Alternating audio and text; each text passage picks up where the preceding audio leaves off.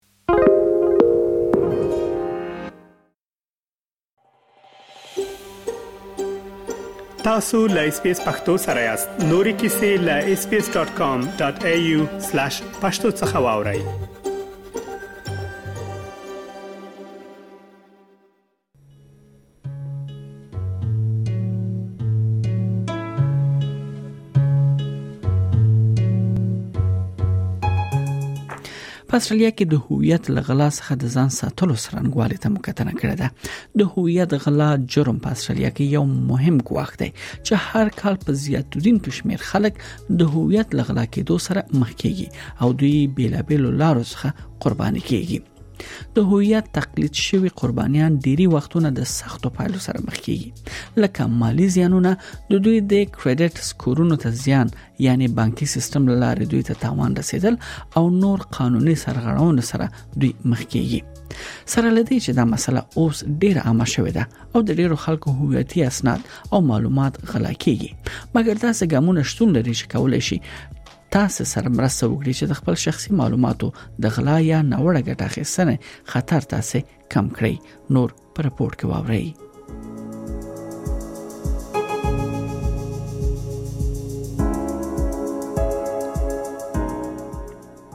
په استرالیا کې د پیژندنې یا هویت غلا جرم یو مخ په زیاتیدونکو اندېښنه ده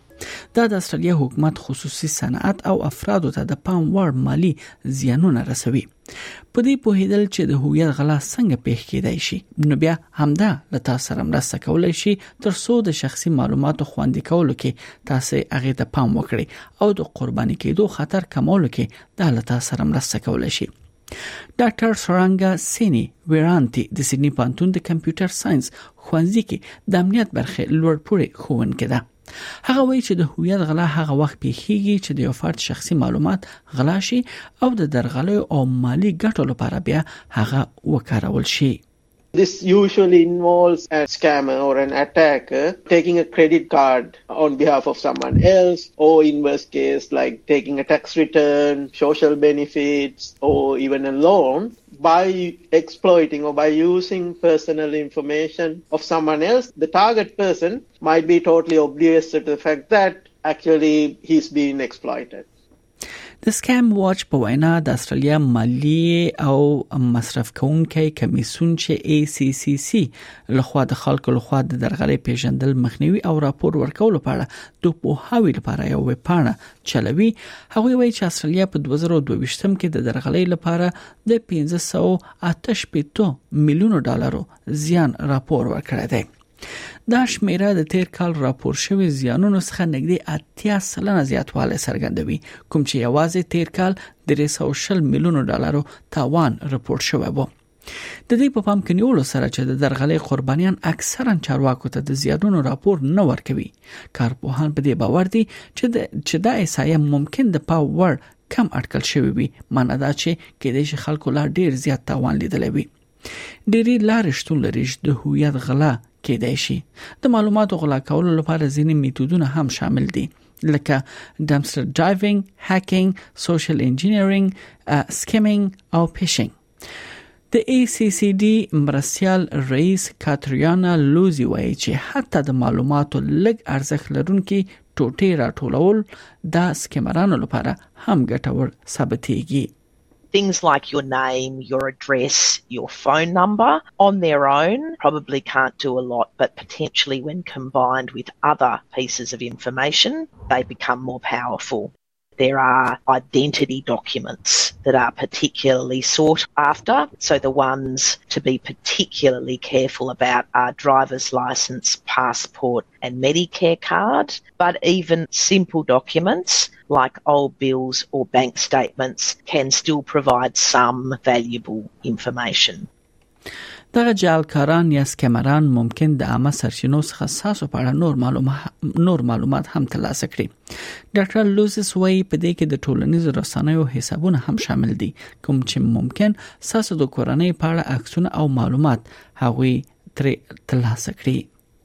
We hear of instances where scammers might utilise photographs from a social media feed or other details that again can be used to pad out if you like, the fake picture that the scammers are creating. So, again, the message really is be very careful about sharing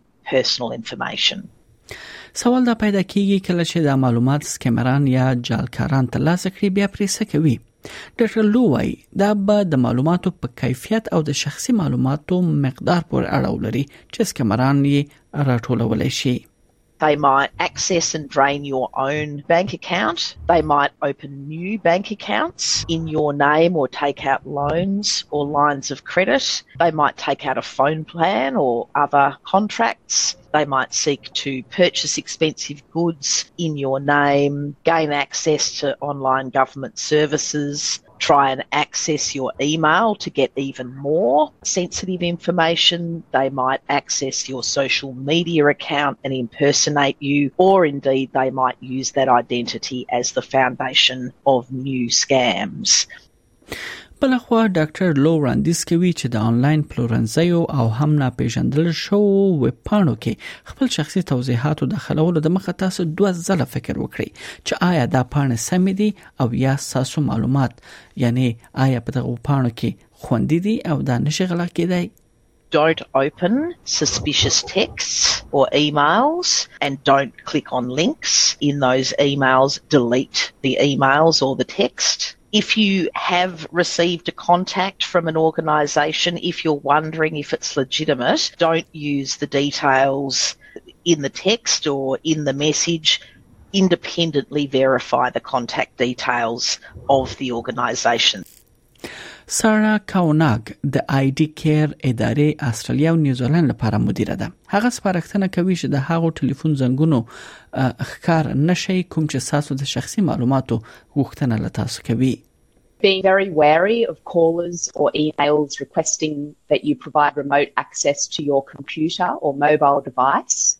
and also requests to download apps or programs on your computer in order to provide them access. Always be cautious when providing any of your personal information, especially if it includes your credentials such as your driver license, passport, Medicare, or bank login details. You want to be absolutely certain that you've verified that the person is who they say that they are.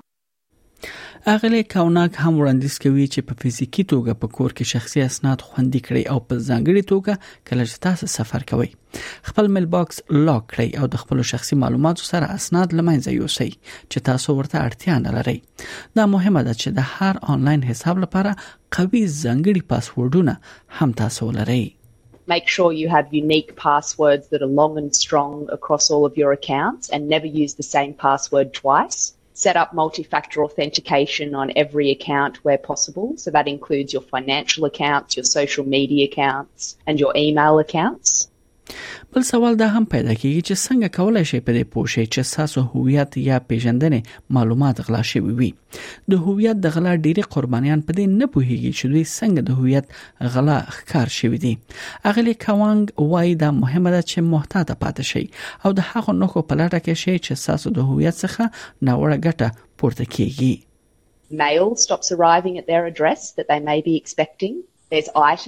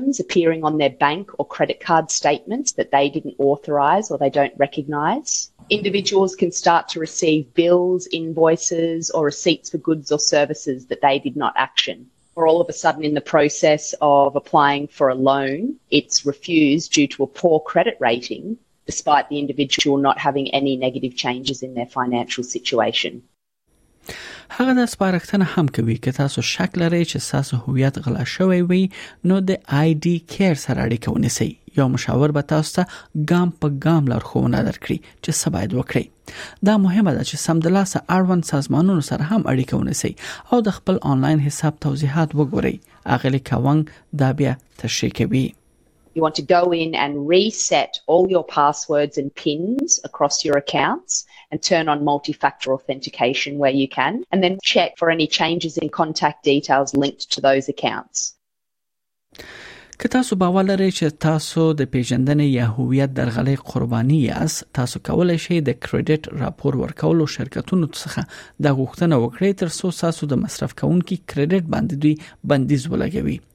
انډریو ګرانډ د سیدنی په پانتون کې د مالیې د ډیسپلین یو لوړپوړی استاد دی دغه مسله لا ښه تشریح کوي